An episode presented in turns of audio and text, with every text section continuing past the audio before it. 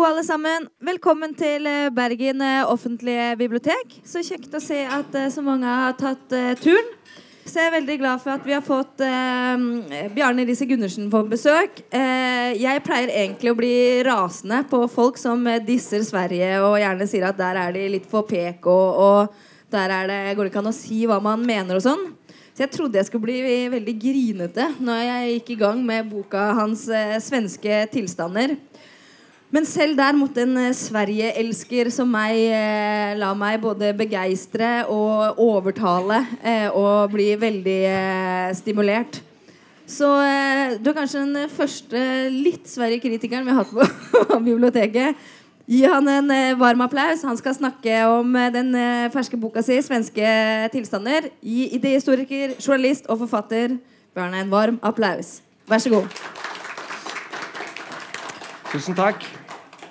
Um, bare kort for å si hvem jeg er. Jeg jobber til daglig i uh, halv tid som um, lærer i journalistikk ved Høgskolen i Volda. Og den andre halvparten så er jeg uh, frifant og skriver. Delvis i Morgenbladet særlig, hvor jeg har jobba før. Og innimellom uh, bokprosjekter sånn som dette her. denne boka kom i august. Den heter 'Svenske tilstander en reise til et fremmedland'. Og det er eh, ikke en akademisk bok. Det er heller ikke en reinspikka debattbok. Um, jeg er i tilfelle kanskje en litt forkledd debattbok som jeg skal prøve å pakke litt ut her i dag.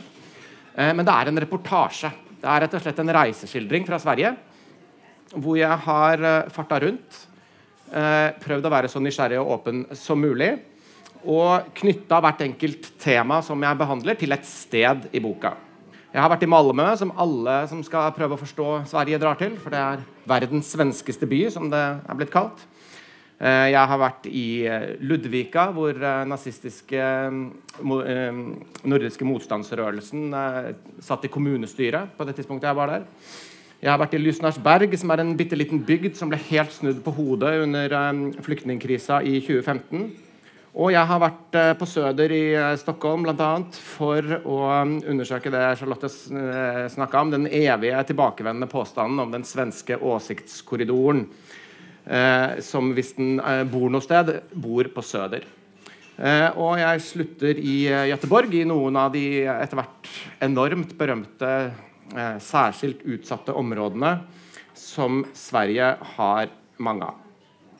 Det er noen kapitler til, men det er da da skjønner dere litt hvordan boka er komponert. I dag um, tenkte jeg Jeg har lyst til å begynne med på en måte uh, to øyeblikksbilder, eller snapshots, uh, av Sverige. Det første um, 17.10. i år så var det svenske politiets bombegruppe på vei til Vaxholm utafor uh, Stockholm etter en eksplosjon der, da de plutselig ble omdirigert fordi det hadde vært en ny eksplosjon rett ved eh, Mariatorget på eh, Södermalm i Stockholm. For dere som er kjent eh, i Stockholm, så vet dere at Södermalm er omtrent som eh, Grünerløkka. Det er Grünerløkka ganger ti, på en måte, som, som alt i Sverige er på en måte Norge ganger ti. Bomba gikk av i et eh, bolighus, leilighetskompleks, i nærheten av der. Det er omtrent som om det skulle gå av en bombe uh, i en bygård på Olaf Ryes plass eller ved Birkelund uh, i Oslo. Eh, Seinere den natta så var det et nytt, uh, også, en tredje bombeeksplosjon, også i Stockholms len. Det var et ekko av uh, en natt i Malmö bare noen uker tidligere, hvor det var tre eksplosjoner i løpet av en døgn. Um, den nasjonale svenske bombegruppa den har så langt i år hatt 102 oppdrag. Uh, utrykninger. Uh, I samme periode i fjor så var det 39. Og bare for noen måneder siden så ble en ung student på 23 år alvorlig skadd i en bombeeksplosjon i den bitte lille byen, eh, universitetsbyen Lund i Skåne, hvor jeg sjøl studerte litteraturvitenskap for 20 år siden, og som jeg vier et kapittel i boka. eh, da de gikk av en bombe midt på natta i en dagligvarebutikk i sentrum.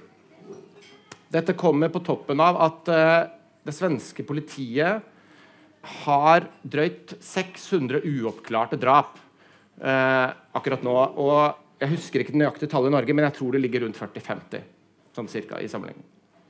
Det er snapshot 1.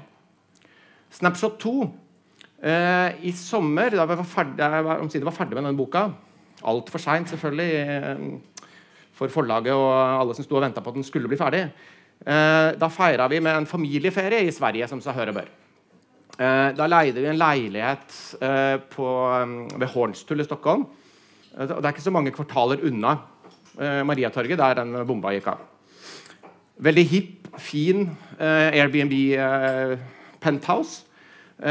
Som var eid av en som het Ulf, som vi måtte google litt da, for å finne ut hvem han var. Og da Han var tidligere hadde jobba som sånn næringslivsjournalist og redaktør. Han var blitt en sånn mikrokjendis ved å utvikle et konsept hvor han spiste lunsj med en ny person hver eneste dag. En han ikke kjente, for å få så stort nettverk som mulig. Så hadde han hoppa av denne skrivekarrieren fant vi ut, for å satse på en ny karriere som designer. Og ikke bare designer av hva som helst, klesdesigner. Og eh, det han var særlig opptatt av, var For han så da at i det nye næringslivet så var det nye grenser mellom casual og business. Når skulle man være formell, og når skulle man være avslappa og kul? Dette følte Ulf var et problem han kunne løse. Så han eh, ble designer av The Business T-shirt. Han skulle lage dette kan da tjene som eksempel på liksom random svensker i business T-shirt. De er ikke svenske, det er eh, googla fram.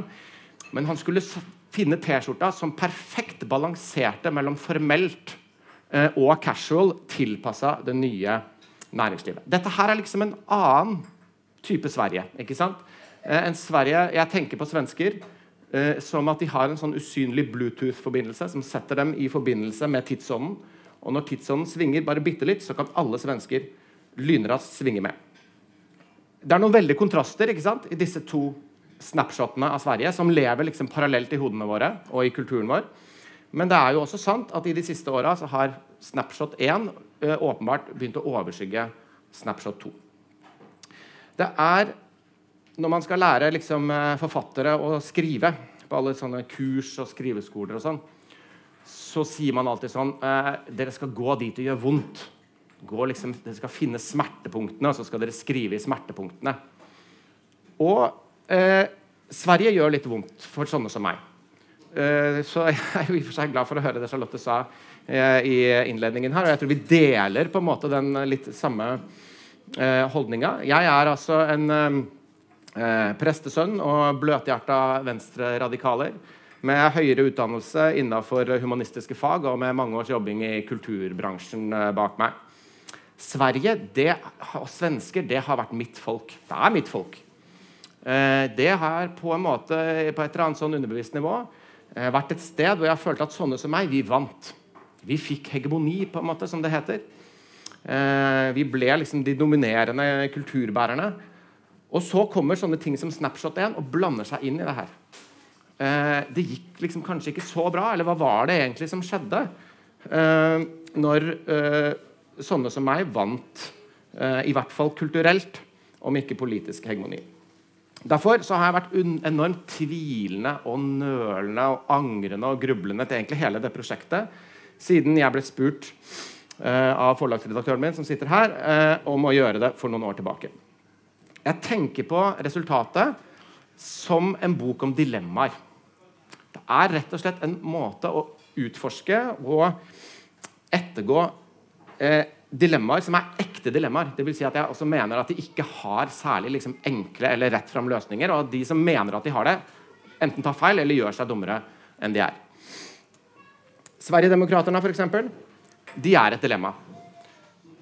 Her representert ved partileder eh, Jimmy Åkesson, som på nøyaktig samme tid som jeg studerte i Lund, fant sammen Da studerte han også i Lund.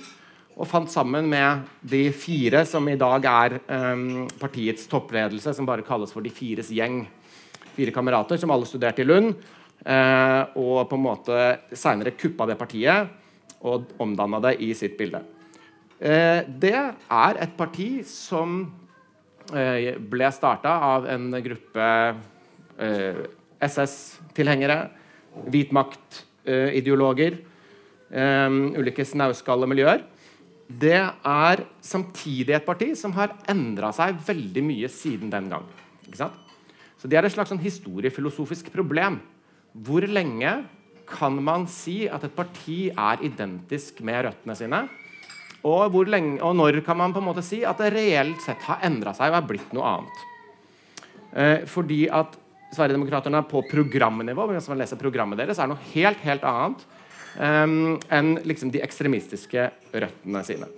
Samtidig så er de et parti hvor toppskikkelser innafor partiet har både starta og drifta aggressivt fremmedfiendtlige nettsteder, hvor de også selv har skrevet anonymt. Det nekta de lenge for, helt til det ble eh, avslørt. De har hatt eh, høytstående partimedlemmer som har trua og trakassert eh, eh tilfeldig forbipasserende på byen med stålrør, og noen av de med fremmedkulturell bakgrunn. De er et tungt konsekvent eh, nasjonalistisk parti. I mye mye større grad enn det norske Fremskrittspartiet er det. Som, der Fremskrittspartiet kommer fra en slags sånn rølpete liberalisme i bånn.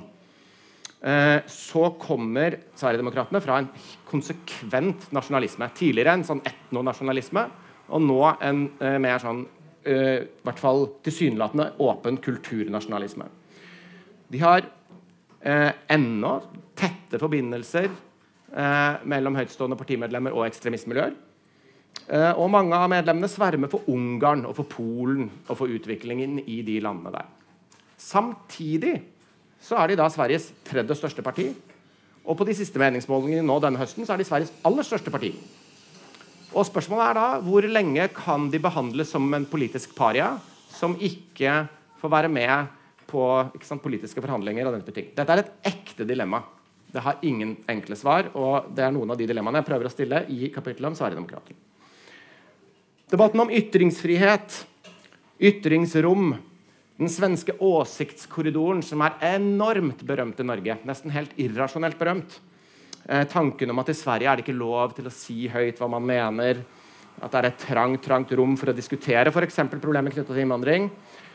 Dette er Simon Lindberg, som er leder av nordiske motstandsrørelsen. Han mener at hans ytringsfrihet er trua i Sverige. Samtidig har da partiet sittet i kommunestyrer i flere svenske kommuner ved å kuppe seg inn på noen sånne um, altså Ikke ved å få nok stemmer, men ved å kuppe seg inn på noen um, Sverigedemokrat-mandater uh, som ikke hadde liksom, personer knytta til seg. Hele denne diskusjonen om hvordan Sverige har forholdt seg til den, og hvordan Danmark har forholdt seg til den, og hvordan Norge har forholdt seg til den, er et ekte dilemma og er kanskje et dilemma som ikke har noen åpenbare svar. Hvis man tenker at det er et mål eh, å dempe eh, utviklingen av høyrepopulistiske partier Det er jo ikke sikkert alle er enige at det er et mål, men hvis man tenker at det er et mål, så har de ulike strategiene som har vært knytta til offentlig debatt i de ulike nordiske landene, hatt omtrent samme resultat. Altså, Sverigedemokraterna har i hvert fall fram til nå vært omtrent like store som Dansk Folkeparti. Så Det finnes en rekke hypoteser om at hvis man bare hadde gjort sånn og sånn i Sverige, hvis vi hadde vært åpnere sånn og sånn og snakket mer, eh, da ville Sverigedemokraterna vært et veldig lite parti. Ja, da skulle i tilfelle også Dansk Folkeparti vært et veldig lite parti. Dette er ekte dilemmaer. Flyktningkrisa, her representert ved en båt som den uh, italienske um, kystvakta plukka opp i 2015, er et megadilemma. Og særlig hvis man liksom knytter det sammen med um, ikke bare krisa, som man kalte det, i 2014 og 2015, men altså hele den internasjonale storbevegelsen av migrasjon.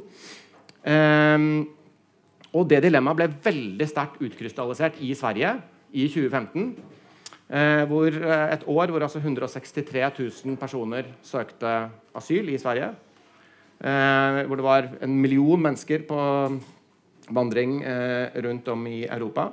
Og hvor Sverige i veldig stor grad ble tvunget til å omdefinere hele innvandringspolitikken sin. Altså de snudde eh, 180 grader. Men de gjorde det også delvis fordi at de ble latt i stikken av resten av de europeiske landene, som lot Sverige og Tyskland ta eh, støyten. Ekte dilemmaer her, uten så veldig mange gode svar. Så hele Sverige dette er det du får fram hvis du googler Sverige. Bildesøk. Eh, er et dilemma. Det, er, eh, det gjør litt vondt å tenke på, men det er også interessant å tenke på. Og liksom ledespørsmålet mitt da, underveis her, det har vært hva må vi vite for å skjønne Sverige? Hva må vi vite for å forstå dette landet? Ikke bare le av det eller være redd for det. Eh, eller på en måte godte oss over uh, vår, vår, liksom si, vår, vår, egen fortreffelighet i forhold til det, som er en ganske vanlig norsk øvelse. Og det kommer med et sånt prosjekt kommer med masse utfordringer og problemer på kjøpet, selvfølgelig. Um, det kommer med masse sånne komposisjonsproblemer. Hvordan skal man skildre et land liksom, på 250 sider? Uh, Enhver liten detalj som jeg velger å ta med i denne boka, vil bli stående som et sånn symbol på Sverige i stort. Hva skal man da velge å ta med? Hva skal få lov å være betydningsfullt? Og hva skal sjaltes ut? Uh, det er et enormt uh, utfordrende kildeperspektiv. Hvem skal få lov å snakke? For jeg møter jo også personer som jeg intervjuer, som får komme på en måte mer til orde som muntlige kilder. Skal jeg snakke med de jeg sjøl er enig i? Skal jeg snakke med de jeg sjøl er uenig i? Jeg har valgt å gjøre stort sett det siste. Men skal jeg da stå som en slags overdommer, eller skal jeg la de få snakke så fritt som mulig? Eh, skal jeg fortelle eller fortolke? Masse masse sånne dilemmaer. Og noen av de største dilemmaene ligger jo i selve tittelen og i selve begrepet. altså svenske tilstander. Eh, og alle de føringene som det i seg sjøl legger. Fordi det er egentlig ikke så mye et begrep, men mer av et kastevåpen eller en sånn håndgranat som man hiver i hendene på ø, folk, og så håper man at det skal eksplodere. Eh, det har jo ikke alltid vært sånn. Altså, Svenske tilstander har en begrepshistorie som jeg bare skriver kort om i boka. Mm.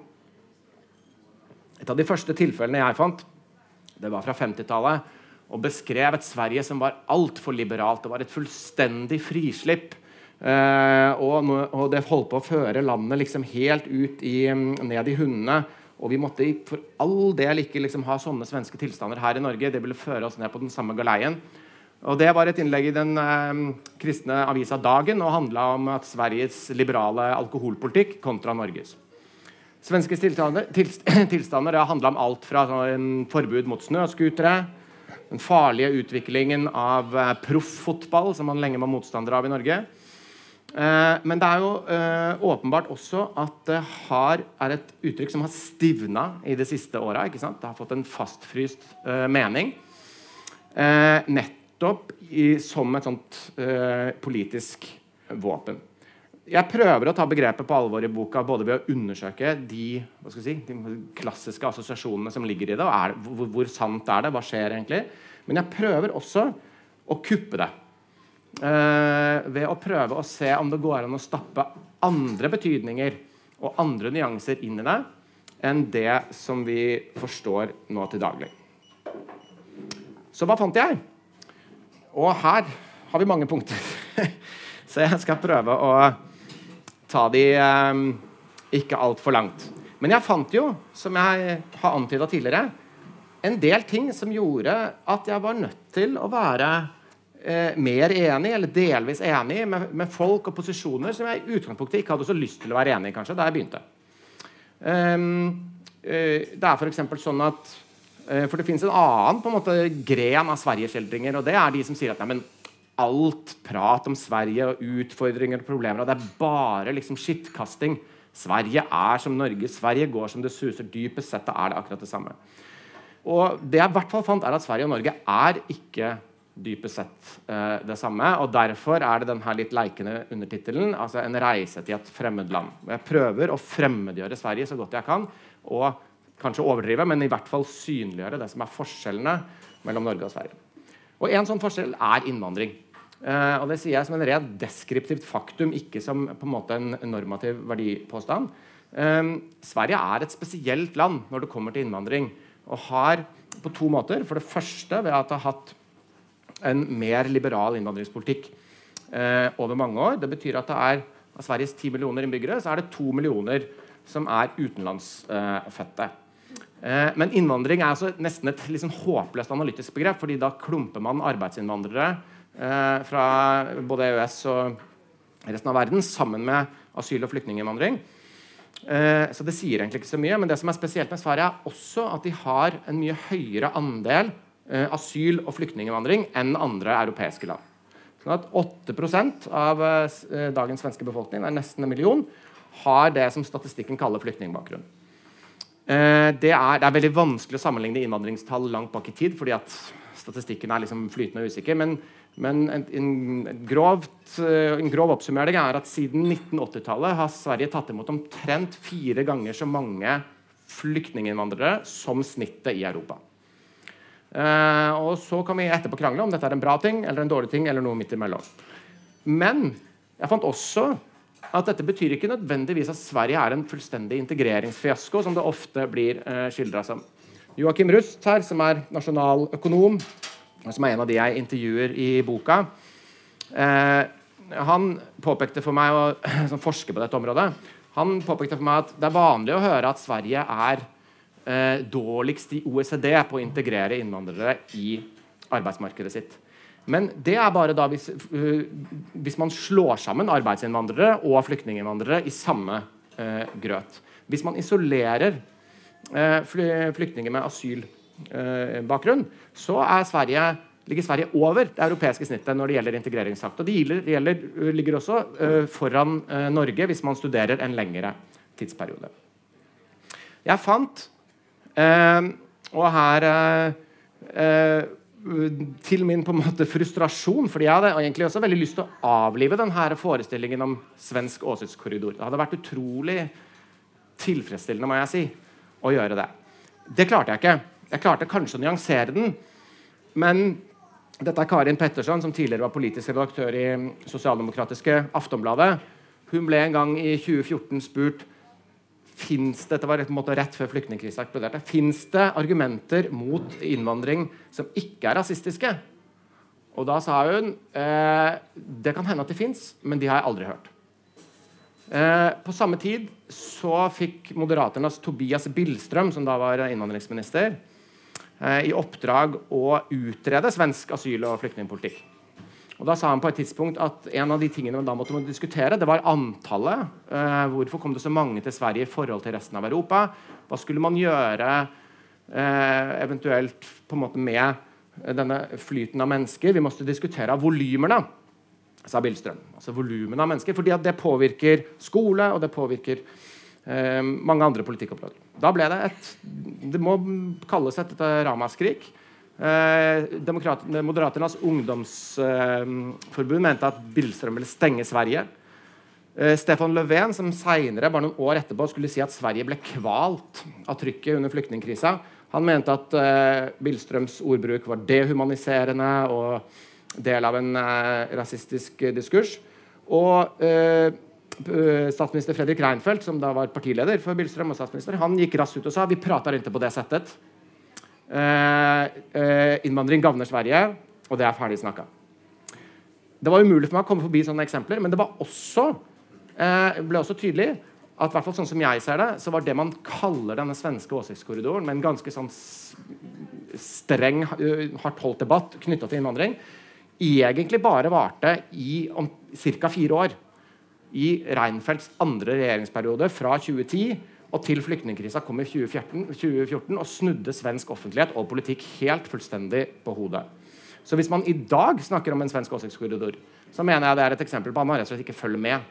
Uh, det er bortimot meningsløst. Um, uh, og også i denne perioden så var det ikke en sånn monolittisk blokk. Det var mer at noen sterke politiske miljøer og noen ledende medier førte an. Men det er vært en evig tilbakevendende kritikk helt fra 1990-tallet, også i Sverige, mot liksom det de kaller for tystnadskulturen. Og den har blitt gjentatt så ofte at den er også litt komisk når man leser den liksom igjen og igjen og igjen av ytre av personer som selv har all mulig tilgang til offentligheten og kunne snu på dette. Kriminalitet, som vi har vært inne på. Det er ikke til å komme forbi at eh, Sverige er en eh, outlier i kriminalitetsstatistikken. Altså dødelig skytevåpenvold blant unge menn. Eh, det er omtrent eh, ti ganger så høyt nivå på det i Sverige som i Tyskland. Som er et annet land som har hatt en liberal innvandringspolitikk i mange år. Da svenske kriminologer for noen år siden skulle prøve å se på det høye antallet håndgranateksplosjoner i Sverige, for det var da siste mote før bombeeksplosjonene begynte nå for et uh, drøyt år siden, så fant de at det var ingen andre land som hadde forska på og kartlagt antallet håndgranateksplosjoner.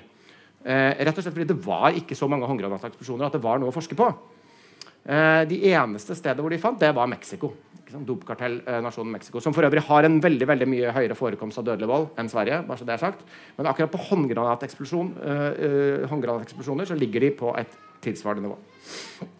Um, men det er også sant at det var flere drap per capita, altså i forhold til befolkningen, eh, i Sverige på starten av 1990-tallet enn det er i dag. Det er også sant at svensk kriminalitet for øvrig har sunket jevnt og trutt de siste tiåra. Men det er urovekkende at den øvrige kriminaliteten, i tillegg til skytevåpenvolden eh, blant gjenger, har begynt å øke igjen de siste årene. Dette må vi si for å kunne snakke sant om Sverige. Men hvilke nyanser fant jeg eller fant jeg da i det hele tatt noe som fyller ut det bildet, eller som kanskje er underspilt, eller som overraska meg? Det syns jeg også at jeg fant. F.eks. svensk høyreekstremisme. Um, hva er det å være en nasjon, liksom? Det er jo i, på en eller annen måte å dele et sett av fortellinger og begivenheter og erfaringer som vi har felles, og som er en eller annen slags sånn grunnramme for hvordan vi opplever politikk og samfunnsliv. Og For meg var det helt påfallende å merke i hvor stor grad voldelig høyreekstremisme er en del av liksom, den kollektive erfaringa i svensk offentlighet. Um, fra eh, 1980-tallet og, og ca. 20 år framover så ble personer fra svenske høyreekstremistiske miljøer dømt, altså ikke bare mistenkt, men dømt for eh, et tjuetalls drap. I samme periode så hadde de to rasistisk eh, motiverte eh, serieattentatmenn. Dette her er eh, Jon Ausonius, den såkalte Lasermannen som på 1990-tallet i Stockholm skjøt eh, elleve tilfeldige mennesker på gata med innvandrerbakgrunn. Eh, han ble kalt lasermannen fordi han brukte lasersjiktet, så ofrene oppdaga en sånn rød prikk på jakka ofte før de ble skutt. Eh, han klarte å Det var ett dødsoffer, men flere som ble alvorlig skada. Noen år seinere hadde de Peter Mangs i Malmö, som gjorde det samme og var veldig inspirert av Jon Ausonius. begge disse hadde svensk innvandringspolitikk og på en måte svensk Eh, responsen de fikk fra svensk høyrepopulisme som helt uttalte eh, motivasjonsfaktorer. I dag så er det sånn at eh, tidligere høytstående personer i Sverigedemokraterna, en som heter Kristoffer Dølny, som tidligere jobba i, eh, både i Stockholmsavdelingen og i Riksdagskanselliet for Sverigedemokraterna, han leder den svenske alt-right-bevegelsen. Eh, og er nær samarbeidspartner med Richard Spencer, som er altså en amerikansk eh, nyfascist, og som var de som eh, arrangerte det her rallyet i Charlottesville for et par år siden da en ung kvinne ble drept av en bil som kjørte inn i folkemengden. Da sto Richard Spencer sammen med sine to svenske samarbeidspartnere Christoffer Delny og Daniel Friberg eh, bak en sperring. Og Richard Spencer sier med entusiasme i stemmen jeg tror Sverige må være det landet som er mest alt-right i verden. Dette her er en del av svensk kollektiv bevissthet, og det er helt åpenbart at disse erfaringene fra 80-tallet, 90-tallet og 00-tallet har vært med å fargelegge og gi ganske vektige argumenter for at svensk offentlighet, f.eks.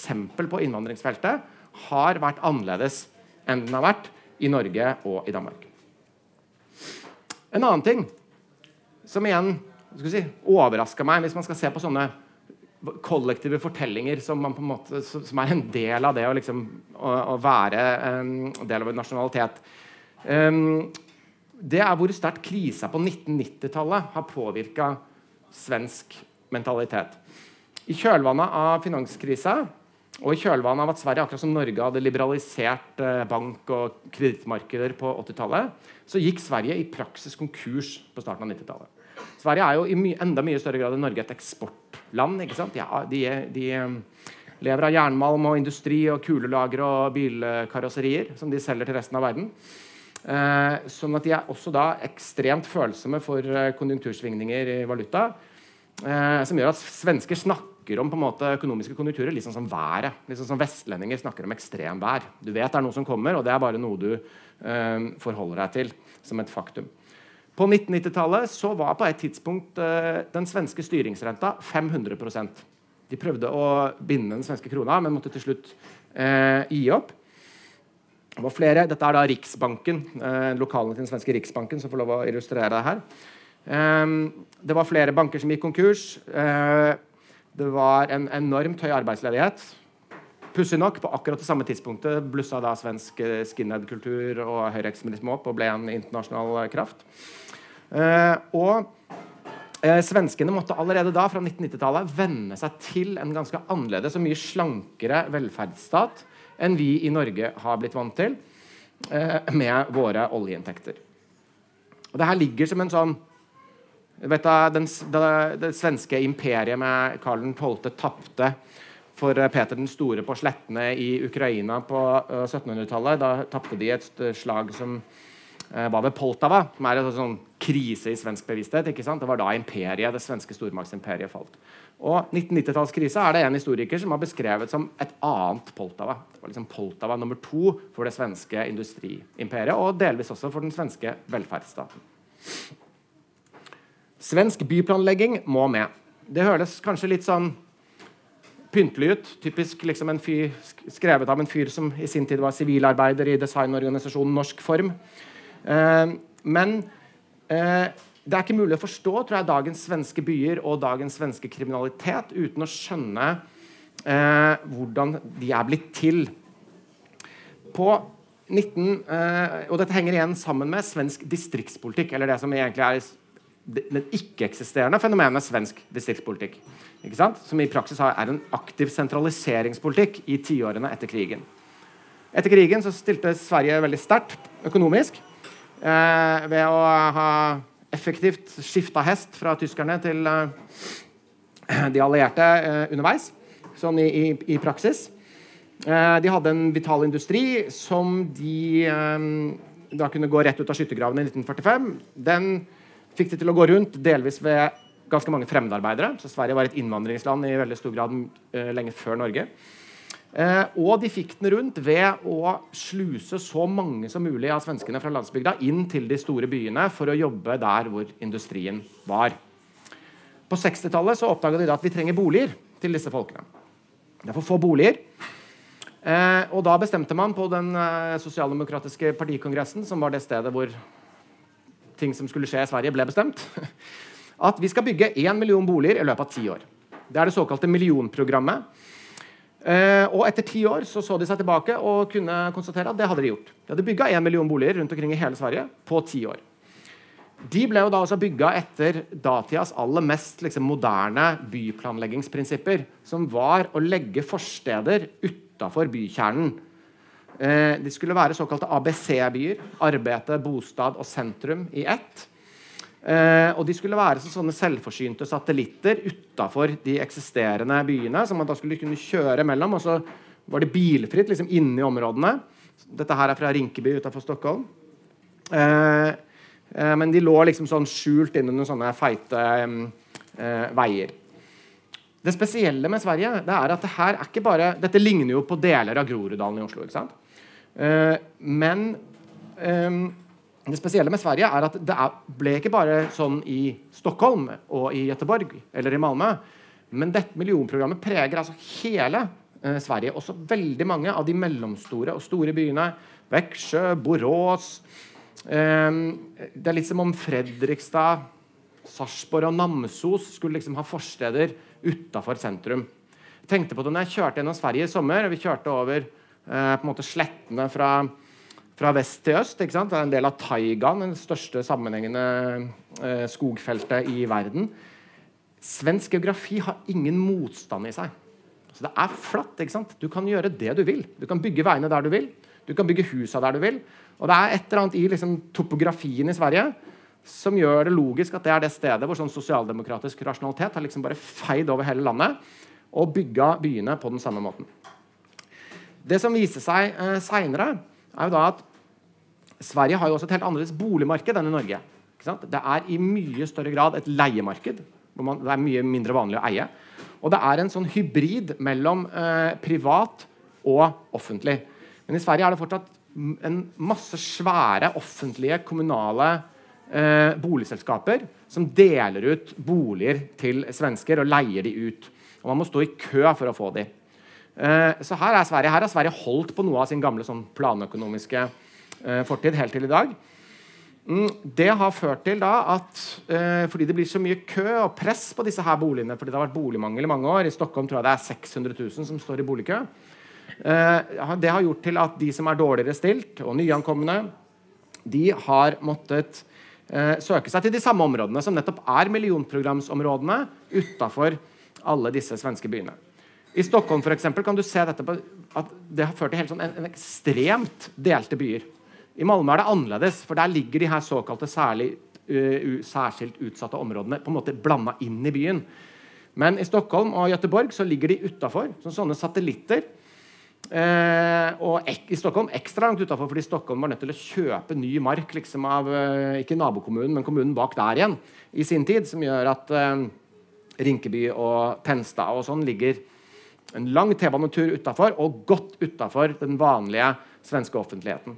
Det er helt åpenbart at svensk eh, kriminalitet har kunnet eskalere gjennom mange år fordi at den i veldig stor grad har eh, pågått utafor synsfeltet til på en måte den gjengse eh, svenske.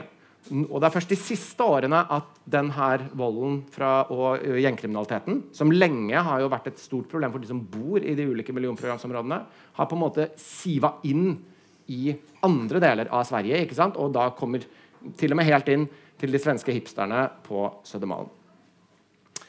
Samtidig eh, så har man kombinert denne spesielle byplanlegginga og det spesielle boligmarkedet med en med norske øyne enormt liberal integreringspolitikk.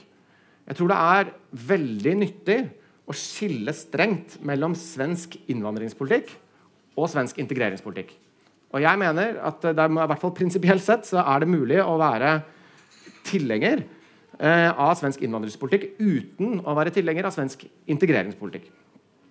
Um, I Sverige er det sånn at eh, i veldig stor grad så preger en sånn liberal tankegang om at, at brukerne står i sentrum, uh, preger også, uh, og brukernes frie valg preger integreringspolitikken i større grad enn i Norge.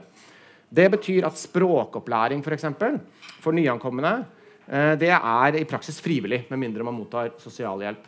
Den tanken om et språkkrav for å få statsborgerskap, som Norge har innført, er aldri, har ikke vært på tale i Sverige. I den grad den har vært det, har det fått en massiv motstand. Enda mer fascinerende er den svenske EBO-loven. Loven om eget boende.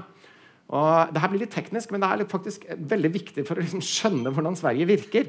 Og, den, og, Det er en lov som de nå først er i ferd med å endre på eller uh, oppheve. Men den har sagt at hvis du kommer som um, nyankommet til Sverige, så kan du fra aller første dag hoppe av liksom, det statlige og kommunale bosettingsprogrammet, der du blir plassert i et asylmottak eller plassert i en kommune. Og bo, Så lenge du oppgir en boligadresse, så kan du hoppe av og bo der du vil. Og du kan få med deg pengestøtte og sosialstøtte og den type ting. Um, I Norge er det sånn at uh, man blir da først plassert på et asylmottak, og så blir man eventuelt hvis man får opphold plassert i en kommune. og Du kan velge å hoppe av det systemet, men da mister du også eh, de sosiale rettighetene og pengestøtten din, sånn at du eh, må være økonomisk sjølberga. Dette har ført til en enorm opphoping av ekstra press nettopp på de her millionprogramområdene, hvor mange av de nyankomne til Sverige selvfølgelig har slektninger og landsmenn, og som er et logisk nok trygt eh, og fornuftig sted å dra til. Det har ført til at sånne områder som Rosengård i Malmö så vet man egentlig ikke hvor mange som bor der. Men det er ikke så lenge siden at man oppdaga en 45 kvm stor leilighet som hadde 64 personer innskrevet som beboere. Eh, ordføreren i Södertälje, som er en av de byene i Sverige som har tatt imot flest innvandrere og tatt en veldig stor del av støyten i, eh, i, både før og etter flyktningkrisa, hun sier 'jeg hater eboloven'. Det er den største enkeltårsaken til at Sverige i veldig stor grad eh, rives fra hverandre på en måte og deles i to. Eh, så jeg mener det er disse tingene byplanlegging, boligmarked og bosettingslovgivning må også med for å skjønne hvordan Sverige virker. Flyktningkrisa. Det er umulig nesten å overvurdere hvor stor hvor stor omveltning Sverige har opplevd både i politikk og i offentlighet før og etter flyktningkrisa i 2014 og 2015. Dette er Jimmy Hoppe.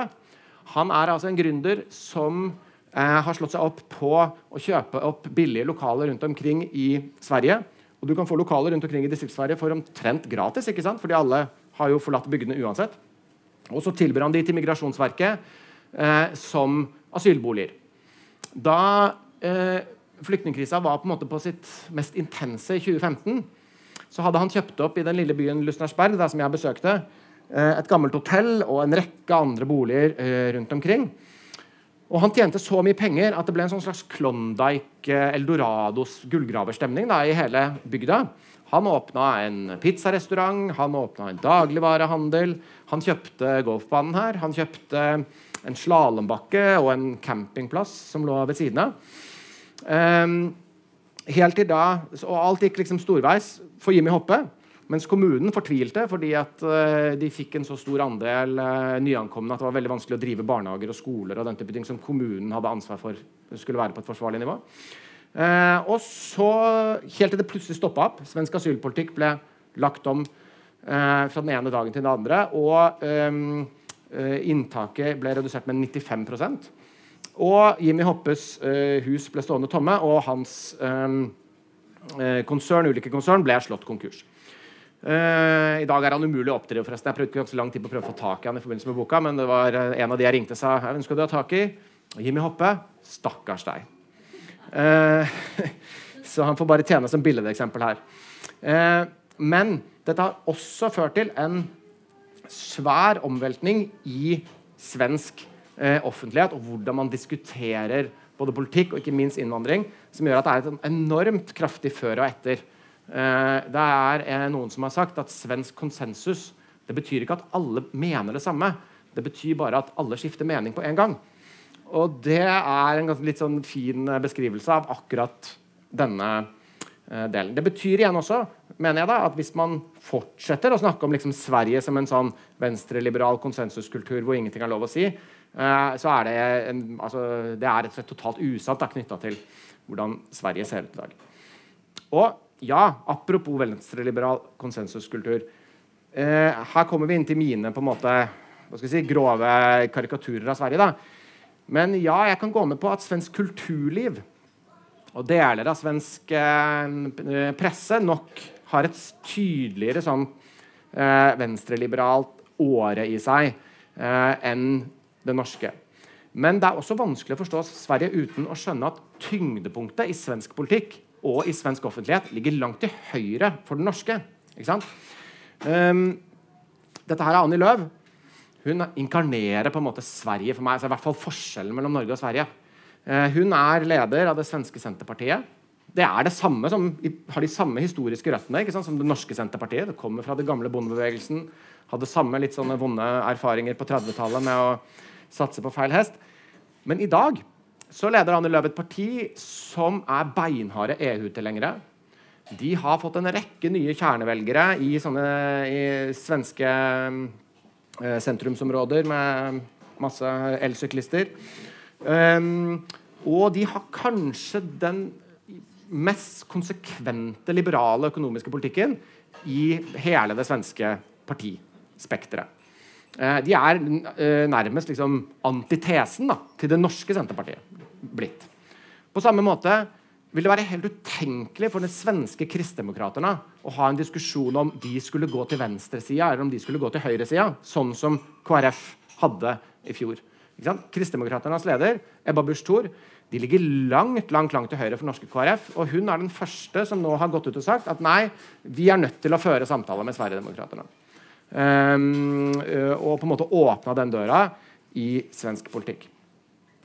Det fins ingen Og på samme måte så dette, denne, Sånn kan man på en måte fortsette, tenker jeg da. Altså, Gøran Perssons regjering på 90-tallet lå lenger til høyre eh, enn Stoltenberg eh, II når det gjelder økonomisk liberalisering og å trekke sosialdemokratene mot høyre. Eh, det fins ingen eh, altså Sverige har ingen avis om Klassekampen eller Informasjon, som Norge har. Og det fins ingen aviser i Norge som har et sånn konsekvent verdikonservativt ståsted som f.eks. den store abonnementsavisa eh, Svenske Dagbladet, eller som Göteborgsposten, eller som til dels også eh, eh Ekspressen sin lederavdeling har utvikla seg de siste åra. Det her er eh, Hanif Bali. Noen som vet hvem han er? Hørt han før? Nei? Han, altså, han, kom uh, selv som flyktning til Sverige fra Iran da han var tre år gammel. Um, foreldreløs. Og vokste opp i ulike fosterfamilier um, og, og, i de svenske millionprogramområdene utenfor Stockholm. I dag er han riksdagsrepresentant for Moderaterna, altså svenske Høyre. Og en av de mest aktive og intense kritikerne av svensk innvandrings- og integreringspolitikk. Han er et sosiale medier-fenomen uten like. Altså, han har flere Eh, 40 000 flere følgere på sosiale medier enn det Dagens Nyheter har digitale abonnenter. Han har flere Twitter-følgere enn hele sosialdemokratiske partiet eh, har. Og han har en spesiell eh, taktikk som han selv har snakka om. Det er å bli hata så sterkt som mulig, så langt ute til venstre som mulig. Og den måte vil han gjøre, sier han, ved heller å håne enn å argumentere. Aldri ta feil, men heller aldri si unnskyld. Det er Hanif Balis eh, kommunikasjonsteknikk. Han snakker gjerne om eh, innvandrerfamilier med mange barn som folk som trykker ut avkom. Eh, og De som kritiserer ham, kaller han gjerne for batikkhekser. Um, han har en fantastisk evne til å balansere sånn nøyaktig på liksom, Aldri over grensen, men nøyaktig på grensen av hva som er sosialt akseptabelt. Han har hatt sentrale verv i Moderaterna og satt i sentralstyret en periode. Så blir han kasta ut fordi de syns han er for grov i språket. Og så kommer han tilbake igjen fordi han har en slags sånn føydalstruktur. Han har så mange følgere at han er sin egen politiske kraft. Han og en, for en annen dame som Ann, samfunnsdebattanten Ann Heberlein, som også representerer eh, Moderaterna i, i, Sverige, de sier ting og snakker på en måte i f.eks. innvandringsdebatten som ingen representanter for det norske Høyre noensinne har gjort, eller tror jeg kunne ha gjort. Og dette må man vite hvis man skal faktisk skjønne hvordan svensk offentlighet eh, fungerer. Men det handler ikke bare om offentligheten, det handler også om strukturene rundt. Eh, for meg var det en overraskelse å lære at 600 eh, 000 svensker har tegna private helseforsikringer. Som er en slags sånn parallelt liksom, privat helsesystem på sida av det offentlige i Sverige. 70% av legevaktene i Stockholm eh, er nå drevet av private firmaer. Carema er da et av de. de samme, mange av de samme firmaene driver jo også i Norge, men da mer ofte i liksom, sånn eldrehjem og den type ting. I Sverige er dette en enda mye mye større industri. Eh, det er ikke så veldig lenge siden at eh, øre-nese-hals-avdelingen i Rinkeby ble lagt ned fordi at uh, konsernet mente at den var ikke lønnsom nok. Dette her er en annen type Sverige som jeg tror i veldig stor grad faller i en slags sånn radioskygge. fordi liksom, i skyggen av alle de her bombene som eksploderer, og håndgranatene som går av, og folk som blir drept av svenske gjengskytinger. Og Det aller, aller sterkeste eksempelet på det det er det svenske skolesystemet. Eh, og Det må jeg bare ærlig innrømme at jeg visste ingenting om før jeg begynte å skrive denne boka, selv om jeg sjøl bodde i Sverige et år på 1990-tallet. Men jeg tror det er også symptomatisk for ganske mange andre. Eh, at det er et Sverige vi på en måte ikke kjenner til. Men det er altså sånn at Sverige i dag har Tidligere da, så var de sammen med Chile om å ha det aller mest markedstilpassa skolesystemet i verden. Eh, men for noen år siden så reverserte Chile militærjuntaens gamle ordning fra 80-tallet og gjorde det forbudt å ta utbytte på skoledrift. Så Det betyr at Sverige nå står aleine igjen eh, som det aller beste liksom, levende eksempelet på det den eh, liberale økonomen Milton Friedman i sin tid tegna opp som det ideale skolesystemet. At hver familie skulle få en voucher, altså en slags sånn kupong du, fra staten, og så kunne du gå og på en måte shoppe skoler etter det. Det her var en utvikling som begynte først på starten av 90-tallet ved at de svenske skolene ble overført fra, til, eh, nei, fra staten til kommunene. Og så var det en svær friskolereform eh, under Carl Bildt på 90-tallet som start ble begrunna med at man skulle øke det pedagogiske mangfoldet, man skulle ha mer grendeskoler, man skulle ha Montessori-skoler. Men gradvis som denne um, reformen har vokst videre og ikke er blitt reversert heller, ikke av sosialdemokraterne når de har sittet i regjering, så har man fått et helt sånn fantastisk prinsippfast system da, som er unikt for Sverige. I Sverige er det altså fri etableringsrett for private skoler. Det har også vært det for religiøse friskoler inntil nylig, men det uh, er man nå i ferd med å reversere. Det er uh, en køordning som gjør at de mest populære skolene, sånn som Campus Manila her i Stockholm, hvor uh, bl.a. det ene svenske uh, prinsessebarnet går. Uh, de, man opprettholder på en måte presset på de mest populære institusjonene i stedet for å fordele det utover underveis. for Man kan stå i kø på skoler og vente på å komme inn. Campus Manila fikk forresten ekstra skoleplasser under, etter flyktningkrisa som skulle på en måte gis til noen av de som da hadde kommet til Sverige. og De plassene gikk i stedet til noen av de svenske millionærene som sto i kø for å komme inn. Um, de har eh, også i Sverige eh, ingen utbyttebegrensninger på skoledrift. Og det er fritt fram for å selge og kjøpe skoler. Det har ført til altså at én av fire, en av fire svenske gymnasister går på privat skole. I grunnskolen er det omtrent 15% som går på private skoler, men det øker eh, jevnt og trutt. De fem som man da i stadig større grad får sånne børsnoterte, børsnoterte skolekonsern. Og de fem største, de, noen av de er eid av sånne hedgefonds og, og sånn. Og disse fem største konsernene, utdanningskonsernene i Sverige i 2016 så hadde de et overskudd, samla overskudd på 1 milliard svenske kroner. Det var en økning på 500% på ti år. Og stadig, en stadig større del av de her pengene som går full, ja, Hver eneste private skoleplass er fullfinansiert også av den svenske staten. Fordi det skulle ikke bare være de som var rike som kunne betale sjøl, som skulle få velge skole, men alle. Um, dette her er en fantastisk turbo på toppen av den segregeringa som allerede ligger inne i svensk boligmarked og i eh, svensk eh, integreringspolitikk. Som har ført til veldig kort fortalt, at stadig flere svensker går på skole med folk som ligner på de sjøl. Etnisk, kulturelt og økonomisk.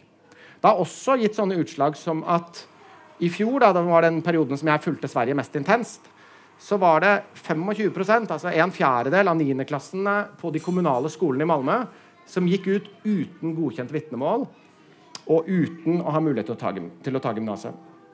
Eh, og bare i Rosengård, som er et lite område i Malmö med noen tusen eh, innbyggere, så er det hvert år 100 unge gutter som ikke kommer seg gjennom skolen og står uten vitnemål eh, for å kunne gå videre på videregående.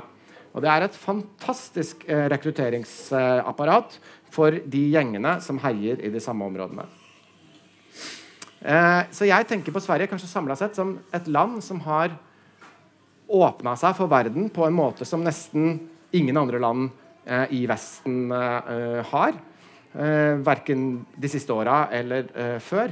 Men det er også et land sånn som jeg ser det, som samtidig har gitt fra seg da, enormt mange av de verktøyene som man kunne tenke seg de trengte for å styre og absorbere det her inntaket. Og de har gitt fra seg, sånn som jeg ser det, da, kanskje også det aller, aller, aller viktigste eh, verktøyet de har, nemlig skolen. Eh, I en situasjon hvor landet er egentlig en ganske sånn desperat behov for sammenholdningskraft.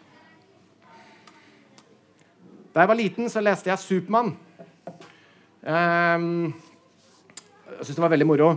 Uh, og på et tidspunkt så leste jeg videre og videre, og så begynte det å dukke opp noen sånne forvirrende historier i Supermann. fordi at det var sånn at De hadde laget, det var ulike tegnere ulike eh, fortellere som hadde lagd liksom, ulike historier opp igjennom. Og så merka de etter hvert at de fikk problemer med å forene disse historiene sammen. De hang liksom ikke logisk i. Og da fant de opp, innførte de flere parallelle univers.